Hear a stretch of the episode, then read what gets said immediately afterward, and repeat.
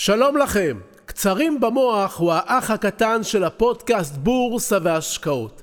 קצרים במוח נולד מהצורך להעיר משהו חשוב ומעניין, לתת לכם חומר למחשבה, ממתק למוח, לחיים, לעסקים, והכל בפחות מחמש דקות.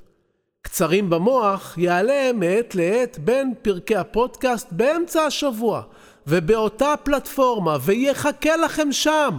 כשיהיו לכם כמה דקות פנויות כדי להשחיז את החשיבה, או ללמוד משהו חדש בין לבין. היכולת שלנו להתפתח כל הזמן כרוכה גם במידע שאנחנו נחשפים אליו ובצורה שהוא משפיע עלינו. קצרים במוח מיועד לחמש דקות פנויות שיש לכם בתור שאתם מחכים בו, עם הקפה, בנסיעה קצרה, לרגע בו אתם רוצים לחשוב על משהו חדש ולקחת את עצמכם עוד צעד אחד קדימה, או רוצים לעשות אתנחתא חכמה במקום לצפות בעוד סרטון בטיקטוק. התכנים הקצרים נבחרים בקפידה ומיועדים לכם, אוהבי ההשקעות והחוכמה. הפעילו את ההתראה באפליקציה שאתם מאזינים דרכה, וככה תדעו בכל פעם שיעלה קצר חדש.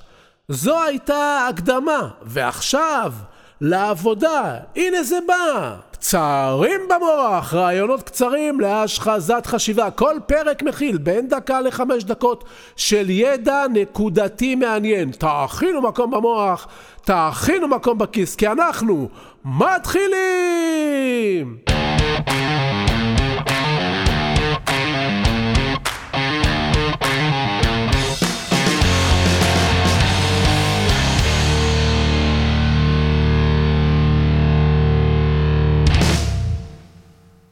ברוכים הבאים לקצרים במוח, כאן צביקה ברגמן. בפרק הבכורה ארצה להסביר לכם מהי האסטרטגיה ששמה אוקיינוס כחול. אסטרטגיית אוקיינוס כחול היא אסטרטגיה עסקית להתמודדות בשוק תחרותי.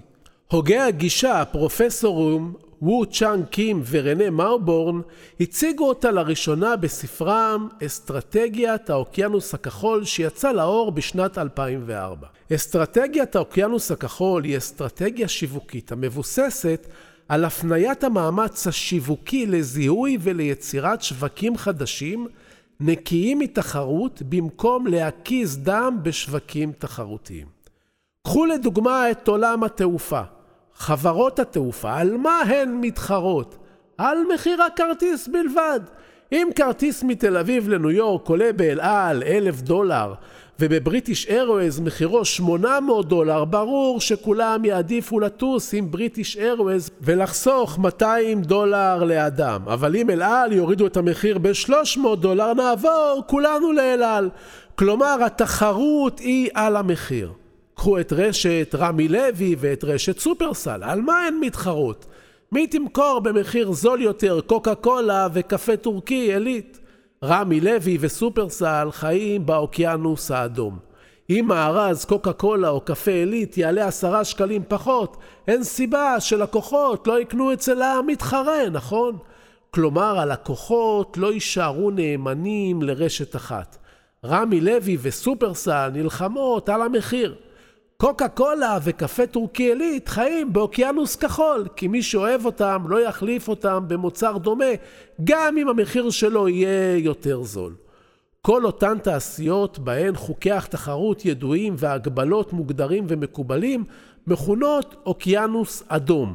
המתחרים נאבקים אלה באלה במטרה להגדיל את נתח השוק שלהם, ועל הדרך פוגעים ונפגעים. אם תדמיינו כרישים באוקיינוס שנלחמים על הטרף, לא יהיה קשה לכם לדמיין אוקיינוס אדום מדם מרוב מאבקים. כלומר, עסקים שהמודל העסקי שלהם הוא תחרות על מחיר, אלה עסקים שלרוב חיים באוקיינוס האדום שממנו כדאי להתרחק. המושג אוקיינוס כחול משמש כאנלוגיה לתיאור של שווקים פוטנציאליים רחבים ועמוקים שטרם התגלו. אסטרטגיית האוקיינוס הכחול נשענת גם על יצירת שווקים חדשים, בהם חוקי המשחק עדיין אינו מגובשים ופוטנציאל הצמיחה והרווחיות משמעותי ביותר. היא עושה זאת על ידי חדשנות והצעת ערך ללקוח. כלומר, חברה שנותנת ללקוח מוצר או שירות ייחודי שאין לו מתחרים, או שגם אם יש לו מתחרים, לקוחות נאמנים לא יעברו אל המתחרים בגלל המחיר, זו חברה שחיה באוקיינוס הכחול. כזו שלא תדמם מתחרות. קחו למשל את חברת אפל. מי שמשתמש באייפון לא יחליף אותו בגלל מבצע של שיומי. משתמשי אייפון שאוהבים את המכשיר ורגילים אליו לא יחליפו אותו בשום מוצר אחר ויהיו נאמנים לו ולמוצרים ולשירותים הנלווים של החברה. אסטרטגיה כזו מקשה על המתחרים ומגלמת בתוכה יתרון תחרותי ממשי שמתקיים לאורך זמן. הביטו בתיק המניות שלכם, הביטו סביבכם. אילו עסקים אתם מכירים בסביבת אסטרטגיית אוקיינוס כחול? ומי חי באוקיינוס אדום? ומה איתכם? ומה עם העסק שלכם? ואם אתם שכירים, האם יש לכם משהו שקשה להתחרות בו? תחשבו על זה. ועכשיו תשלחו את הקצר הזה לחברים שלכם, שגם הם ידעו. עד הפעם הבאה, תהיו בקצר, ניפגש באוזן, ועד אז, תנו במוח!